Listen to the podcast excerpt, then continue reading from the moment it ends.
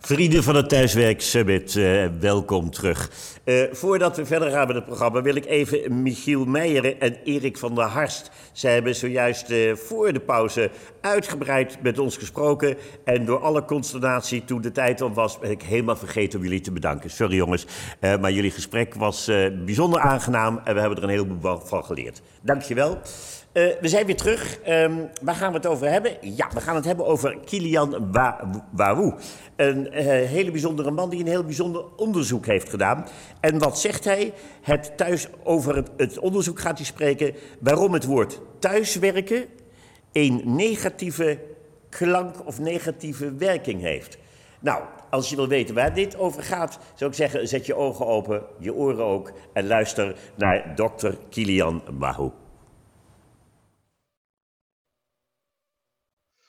Dank voor de uitnodiging. Um, ik wil jullie vandaag graag iets vertellen over de toekomst van werk. En in de afgelopen, uh, afgelopen jaar, eigenlijk sinds uh, de eerste lockdown, ben ik onderzoek gaan doen naar hoe mensen het werk beleven en hoe ze denken dat de ervaringen vanuit de lockdown meegenomen kunnen worden naar de toekomst. En wat ik gedaan heb, is aan mensen vragen hoe ze het kantoor beleven, hoe ze hun eigen uh, welzijn zien, hoe ze denken over hun eigen prestatie en hoe ze denken dat te kunnen gaan vertalen naar de toekomst van werk. Wat opvalt is als je aan mensen vraagt wat, uh, hoe ze werk beleven tijdens de, of hoe ze werk beleefd hebben tijdens de lockdown, dan zie je ten eerste dat uh, over het algemeen er een groep is die enorm geprofiteerd heeft in, in termen van welzijn en dat een groot deel van ons ook zegt dat ze daar moeite mee hebben. En de moeite zit hem dan met name in het feit dat we vaker naar een scherm moeten kijken.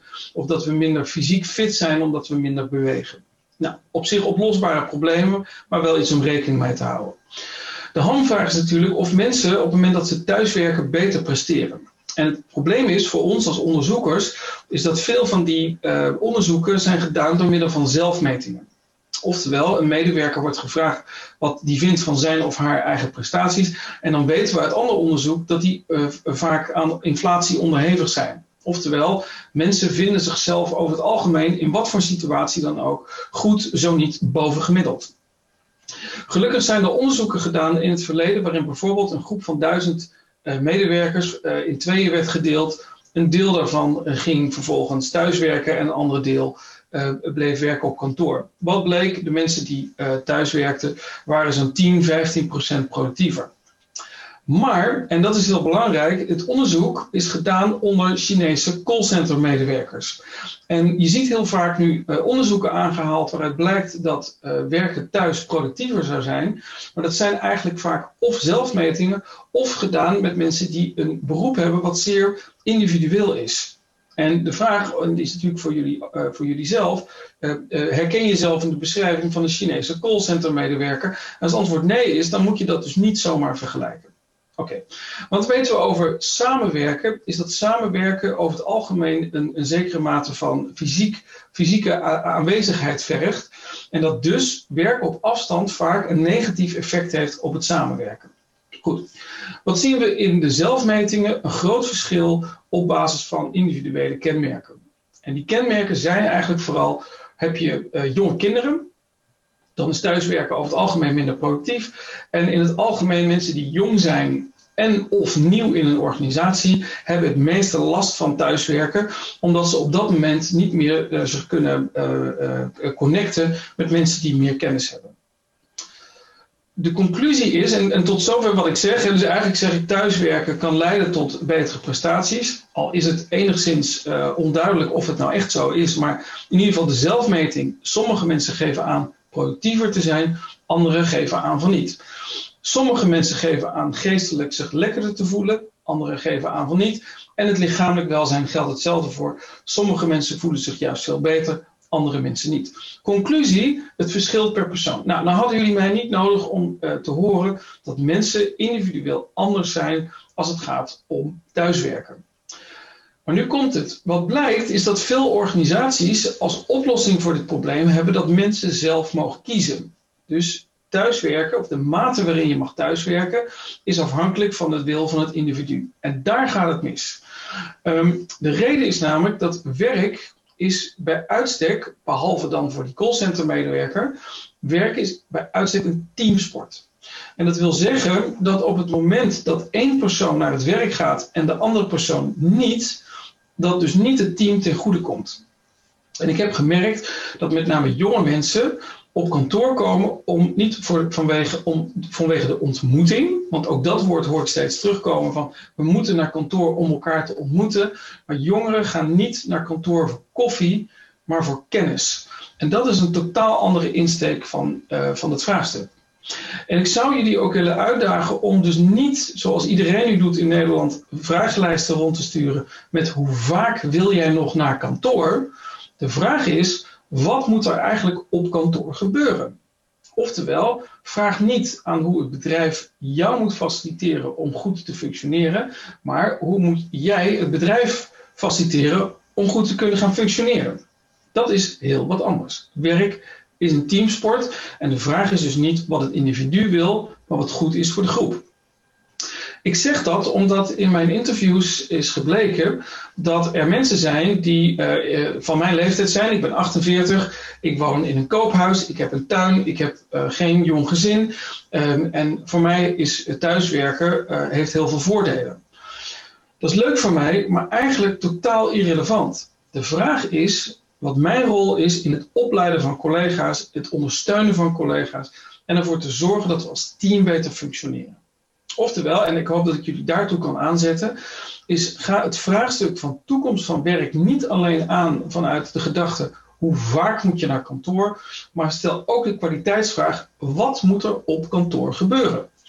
En dan kom je tot hele andere antwoorden. En ik ben nu met een aantal organisaties bezig om dat uit te zoeken. Wat betekent dit nou voor ze? En eigenlijk komen we er steeds achter. Het kantoor is een plek voor professionele ontmoeting. Dus niet voor koffie, niet voor gezelligheid. Ook niet om, te, om, om samen leuke dingen te doen. Schoelen, tafeltennistafels, ik zie glijbanen, weet ik veel wat allemaal. Hartstikke leuk. Maar het doel van kantoor is elkaar professioneel ontmoeten, ondersteunen en beter maken. En dat laatste is heel belangrijk. Niet ondersteunen of niet samenkomen als doel op zichzelf. Um, wat ik hoop uh, mee te geven in dit, in dit thuiswerksummit is dat we nu allemaal aan het nadenken zijn over nieuwe vormen van werk, hybride werken, uh, toekomstgericht werken, geef het een mooie naam. Um, en ik zou jullie willen uitdagen, denk eens na over de rol van het kantoor. Ik ben zelf uitgekomen, en nu ga ik een lang verhaal kort maken, op zes verschillende rollen van het kantoor. Namelijk um, waarvan er eigenlijk drie zijn die te maken hebben met het collectief. Namelijk uh, uh, samenwerken, hè, dus coöperatie. Bijvoorbeeld met elkaar communiceren en met elkaar overleggen. Hè, dus echt het samenwerken. En daarvoor zullen we op een of andere manier toch moeten gaan uitvinden wat we vinden wat er op kantoor moet gebeuren. Want op het moment dat ik naar kantoor ga en ik ga met mijn noise cancelling headset in een hoek zitten, dan ben ik wel op kantoor, maar dan ben ik niet van waarde voor mijn collega's. Er moeten dus momenten zijn waarop je waarde creëert voor je collega's. Dat is deel 1. Um, en, uh, en ik merk bij heel veel organisaties weerstand om dat op te leggen. Um, en ik zal dan ook niet het woord opleggen gebruiken, want het is niet in de mode. Maar bedenk wel, zoals wat ik gisteren meemaakte bij een bedrijf, als je vier dagen in de week werkt en je hoeft nog maar twee dagen in de week naar kantoor, dan kan het dus zijn dat je een bepaalde collega nooit meer in levende lijven ziet. En ik kan niet vertellen, ik werk op een universiteit. Er zijn mensen die, als je ze de kans geeft, nooit meer komen. Dus je zult een uitspraak moeten doen wat je vindt, wat mensen moeten doen en hoe vaak ze er moeten zijn en wat daar dan moet gebeuren. Dus bijvoorbeeld dat je zegt, één dag in de week zijn we er als afdeling wel en dan gaan we dit en dit doen. Dus niet de hele dag zitten uh, uh, videobellen, maar dan moet er iets gaan gebeuren. Daar moet je een uitspraak over doen. Oké. Een, een, aantal rollen dus van het kantoor zijn collectief. Een aantal rollen van het kantoor zijn individueel. En dan met name geconcentreerd werken. Nou, van dat laatste kun je zeggen, dat doen we bottom-up. We vragen aan mensen zelf wat ze willen. Als jij geen goede thuiswerkplek hebt en je wil op kantoor zitten, dan doe je dat. Wil je thuiswerken of in een hotel, dan doe je dat maar ergens anders. Goed, tot slot, want ik zit bijna aan mijn uh, kwartier. Um, een van de dingen die ik nog zou willen meegeven is dat we eigenlijk moeten stoppen met het woord thuiswerken. Um, en de reden daarvoor is het volgende. Een, een huis is een fysieke plek waar je woont. Een thuis is een gevoel. En dat gevoel staat eigenlijk voor alles wat niet werk is. Het is niet uh, voor, voor, niks dat je in het Engels zegt een, een homework conflict. Hè? Home, thuis, is een plek waar je nou juist niet werkt. Bovendien, op het moment dat je zegt ik ga thuis werken, dan, dan, dan, is eigenlijk, dan prevaleert het deel thuis zijn boven het werk. Want thuis woon je en, en heb je een bepaald gevoel. Maar eigenlijk moeten we het gaan noemen werk op afstand. En uh, daarmee geef je namelijk aan in het woord dat je eigenlijk gewoon aan het werken bent, maar op dat moment niet fysiek aanwezig bent op je werkplek bij je collega's. En je bent ergens anders en aan het werk. Qua rituelen, oftewel opstaan, uh, even een stukje lopen en dan echt je werkdag beginnen en ook de werkdag afsluiten, kun je de werkdag dus beschouwen als een normale dag en niet als thuis. We moeten afspraken gaan maken of mensen, als ze werken op afstand, op dat moment iemand mogen verzorgen. Een kind of een dier of een, een, een nou, vaak kinderen natuurlijk. Maar we zullen een uitspraak moeten doen of werken op afstand betekent dat jij ten eerste het recht hebt om er niet te zijn, of dat het een voorrecht is. Oftewel, op dinsdagen werk je niet op kantoor. Of, maar mag je leidinggever dan ook zeggen, maar deze week ben je er wel, want we hebben een vergadering. En mag je op dat moment ook uh, uh, bijvoorbeeld kinderen verzorgen. Ik, ik, zelf moet zeggen, met een dochter van 11 uh, kan je vertellen dat thuiswerken en een kind verzorgen, in ieder geval in mijn geval, met volledige aandacht onmogelijk is. Goed, we zullen daar een uitspraak over moeten doen.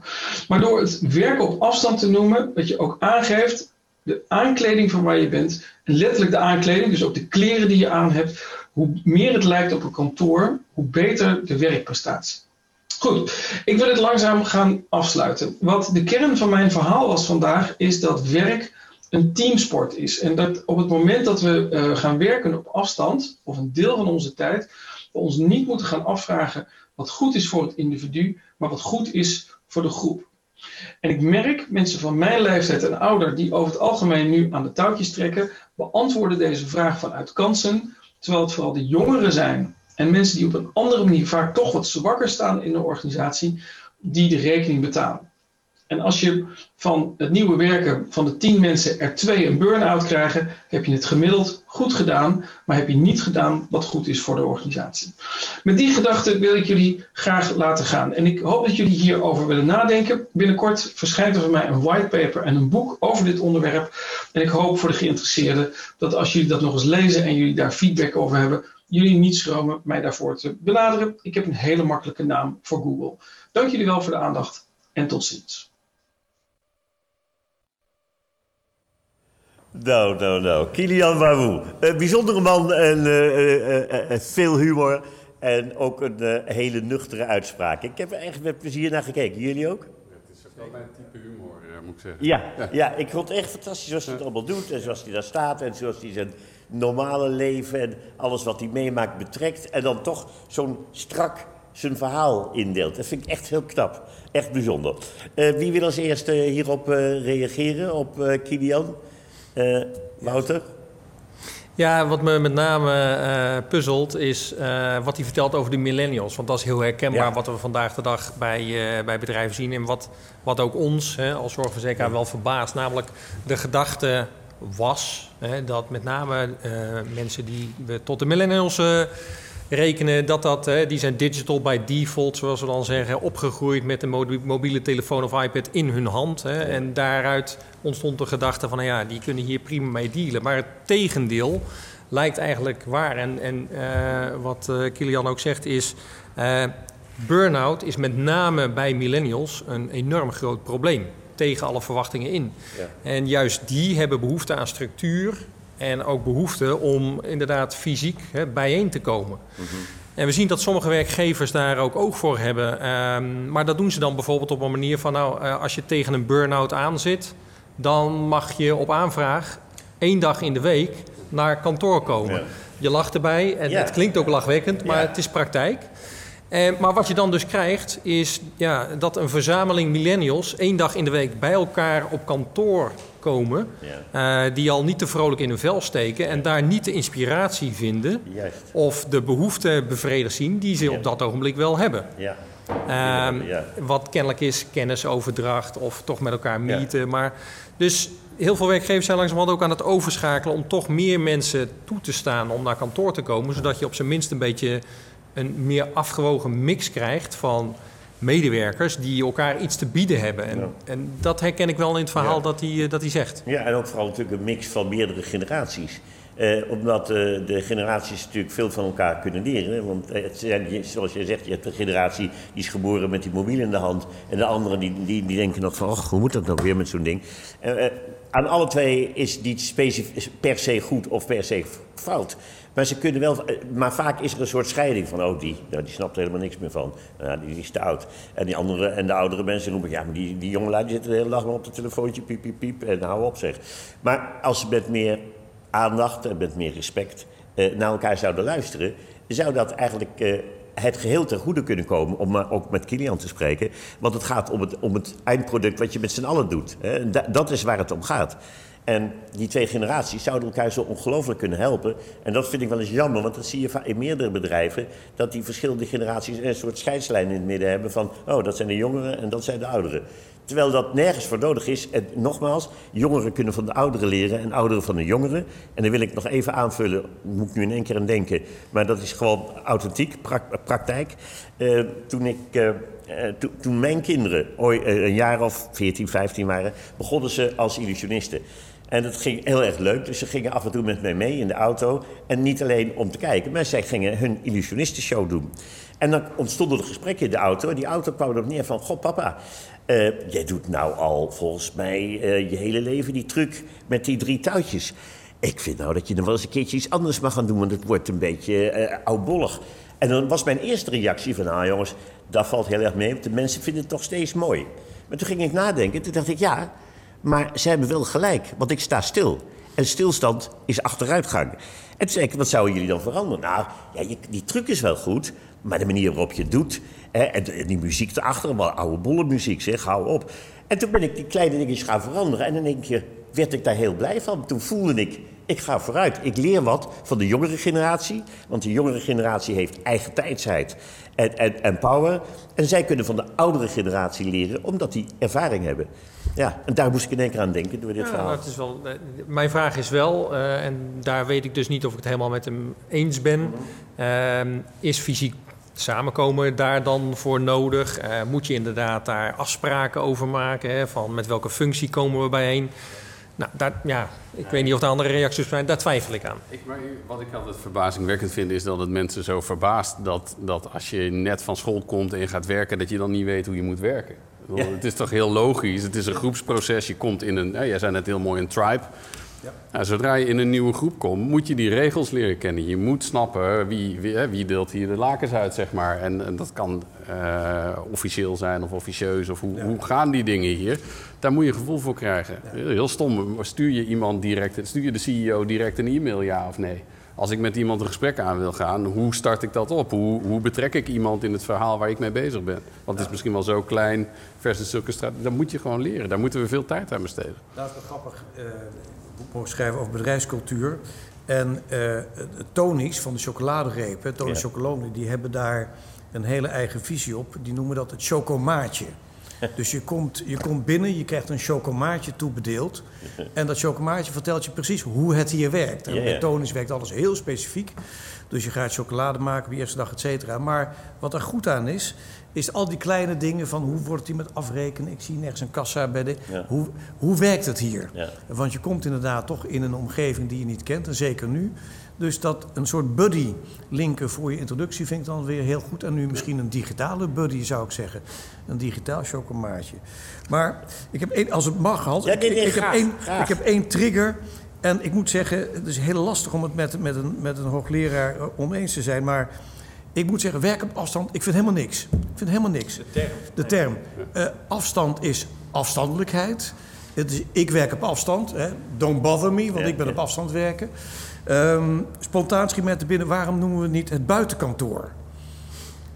Want je hebt een kantoor, maar je hebt een buitenkantoor. En dat voelt al buiten, voelt al licht, voelt al wat vrijer. Wat vrijer maar dat, dat werken op afstand zou voor mij niet worden.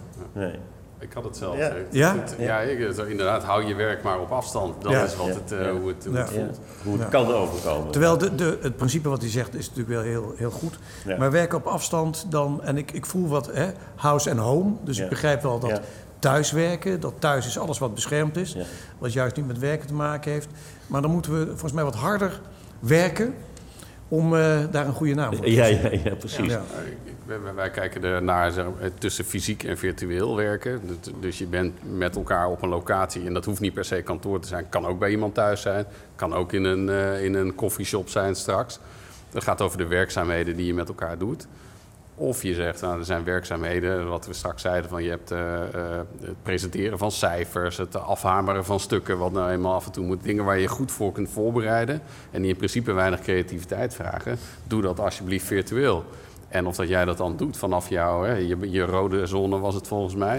Je- Oh, je blauwe zone was het? Blauwe zone, ja. Ja, of je het nou doet vanaf kantoor uit de blauwe zone, of je doet het vanuit eh, eh, Marbella, of je doet het eh, terwijl je thuis zit op de bank.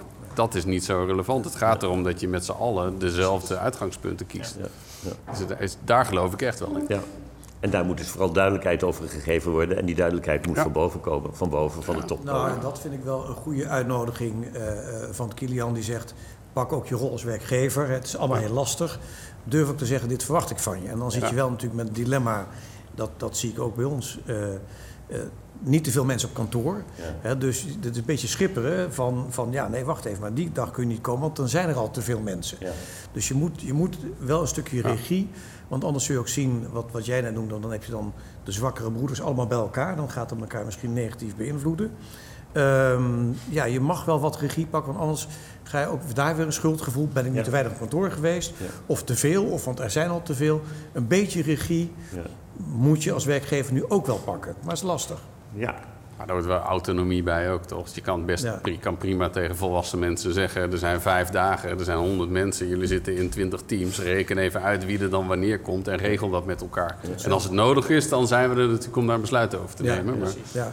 dus daar, dat, Maar dan, dat maakt het ook een beetje hoe- leuk. Maar onderschat ook niet in hoeveel verder jullie daar al zijn. Hè? Dus qua, qua mentaliteit, jullie liepen al wat voor. Ik denk dat voor sommige voor bedrijf het echt nog een... eh, Nog Nee, ik, hoor Ja, wat je ja. zegt. Ja, ik denk Ja. dat dat echt... ja, eh, ja. Dat klopt. Kijk, ik, ik hoor inderdaad als jij praat, dan hoor ik, ervaar ik met dit soort zaken. Dan denk ik, ja, en, en, en jij hebt het in feite al van heel lang geleden dat je dat hebt mogen meemaken. Eh, en, maar voor de meeste mensen is het ongeveer allemaal in het afgelopen jaar gebeurd. En dan komt het in één keer op je afstormen. En dan heb je die mensen die aan de, aan de top zitten en denken, "Huh, wat gebeurt hier, wat komt hier op me af? En hoe moet ik dit allemaal weten? Want op, er zijn heel veel momenten dat de mensen weten het niet. Niemand heeft echt een glazen bol waar je wat in kunt zien. we, zijn allemaal de wedstrijd, we zijn allemaal de wedstrijd ingerold, maar niemand Ja. heeft spelregels. Nee, die zijn we nu nee. aan het maken, terwijl... Ja, die worden nu gemaakt. Maar allemaal, along. maar Ja. allemaal snel. En als Ja. het snel gaat, heb je ook weer snel kans op fouten. En natuurlijk, en het is een trial and error, dat begrijp ik wel. Maar het is toch heel moeilijk voor bedrijven om een, een, een goede route uit te stippelen, lijkt mij. Maar daarom juist compliment eh, ook aan Mike met, met, met zijn team om dit te organiseren. Want iedereen, daarom zitten we ook natuurlijk met een full house vandaag. Ja. Iedereen is aan het zoeken, hoe kan ik het het beste doen? Ja. Dus we zijn samen aan het verkennen, wat, wat kunnen we van elkaar leren? Ja. Wat zijn de, de inzichten die we kunnen gebruiken? Ja. Dus we zijn allemaal aan het leren hoe dit het optimaal te Ja, doen. ja. Ja, dus, nou, er is. Oh, en over allemaal leren gesproken. Ik, iemand eh, stuurt een eh, berichtje. Dat is Petra. Hey Petra, leuk dat je reageert. Eh, en want nog even ook voor alle mensen thuis, alsjeblieft, doe mee. Stel je vragen, blijf nou niet zitten. Ja, maar ze zeggen dit en ik vind dat. Kom dan binnen. Hè. Ga naar de vragenbox. Stel je vraag, je opmerking, alles. We zijn er blij mee en we gaan er echt op in. Nou, Petra, wat vinden jullie van zijn stelling dat jongere mensen niet naar het kantoor gaan voor contact, maar voor kennis? Hij, hij noemde het niet voor koffie, maar voor kennis. Dat is eh, Ja, Kilian oké, zei. dat, Ja. dat is een mooie. Niet voor Ja. koffie, maar voor kennis. Ja. Wie eh, wil daar wat van zeggen? Nou, ondanks eh, dat het een wetenschapper is, eh, durf ik wel te zeggen dat eh, ik niet denk dat hij die kennis in huis heeft of dat zomaar kan stellen. Ik denk dat het ook hier toch weer een kwestie is van heel goed vragen, wat je ook eerder zei, van waar heb je behoefte aan? En als er dan behoefte aan eh, kennis in plaats van koffie eh, blijkt te zijn, Ja. dan zul je dat moeten organiseren. Maar ik verwacht uh, ook hier wel van millennials of van hè, andere leeftijdscategorieën in het bedrijf echt wel, uh, laten we zeggen, de volwassenheid. Dat ze zelf ook langzamerhand aan durven te geven na een jaar thuiswerken waar ze behoefte aan hebben. En dat moet je organiseren. En is het koffie, social, schule noemde die ook. Ja. Als schule wel genoemd wordt, organiseer dan schule. Ja. Dus... Ja. Wat in ieder geval de, onderzoeken zeggen, maar ook hier weer. Ook goed, goed stuk uh, reflectie van, het is zelfonderzoek, hè, dus je voelt het zelf in. Maar in dat zelfonderzoek zegt 60% wat is hetgeen wat je nu het meest vervelende vindt van, van dat thuiswerken. Mm -hmm. is het contact, het sociale contact met collega's. 60% staat, dus dat staat eigenlijk met stip op nummer 1. Ja. Um, en dat is natuurlijk meer dan sec kennis overdragen. Ja. Want volgens mij worden we daar juist steeds beter in. Met, met slideshares en, mm. en met, uh, met in één bestand werken en het projecteren, wat net ook gebeurde. Ja. Volgens mij maar wat, is, is dat het ja, maar wat vroeger dus uh, normaal gebeurde in een bedrijf, hè, ja. je komt binnen ergens, je weet nog van niks. En stap voor stap leer je van, nou, dit is de bedrijfscultuur, dit wordt er van me verwacht, daar moet ik naartoe. Mm, dat is gewoon een normaal groeiproces, heel normaal. En nu moet het allemaal eigenlijk omdat het zo snel veranderd is, zo plotseling, moet er ook zo plotseling ja. een soort regels voor bedacht worden van nou, hoe gaan we dat oplossen? En wat willen ze nou eigenlijk? Ik heb toch niet echt het idee wat ze willen. Inderdaad, is het nou koffie of kennis? Of is het, wat het meestal is in het leven, een, een, een combinatie van die twee? Maar, ik moet een beetje lachen. Bij ons is, uh, is het, het de uitspraak van we gaan even koffie drinken is synoniem voor zoveel verschillende soorten gesprekken. Ja, ja, dat ik inmiddels denk van ja, het is helemaal niet het een of het ander inderdaad. Het is gewoon. Ik, ik, ik merk wel heel duidelijk dat mensen die net gaan werken, wat ik net ook zei, die hebben heel veel behoefte aan structuur, aan leren hoe werkt werken nou eigenlijk en hoe ga je met elkaar om. En ook die kennis over vakgebieden. Ik ben de marketeer, wij, wij doen dat al heel lang. Eh, maar als je net van school komt, dan heb je misschien nog niet de kennis over hoe dat in de praktijk werkt. En vind je het heel fijn als iemand je dan eventjes helpt om dat echt te snappen en in de vingers te krijgen. En hoe werkt het nou en, en, juist dat empathische wat we ook noemen, van het, hoe is het met je? Dat in een normale meeting, dan ga je niet twee uur door. Dan heb je, pak even, zo even een bakje koffie doen, dus een break. Dan loop ik met je mee. Zeg, Hans, ik vond je stil vandaag. Ja. Wat, wat is er? Ben nou, je het eens? Al, uh... nee, maar dat, dat, dat stukje even afstemmen, dat is er niet meer, dat digitaal. Ja. Dus dat moet gecompenseerd worden. Ja. En je had het over kop koffie drinken is vaak synoniem voor toch ook even bijpraten. Ik heb een tijdje in, in Parijs gewerkt. En dan, uh, je, je, kent dat in het zuiden, daar worden beslissingen niet in de vergaderkamer genomen, maar dat gebeurt ergens eten, anders. Eten, eten en dus, eten. Dus, uh, en roken. Ja, oh ja. ik rook niet, maar ik ging stevast met de club naar beneden om te roken. Ja.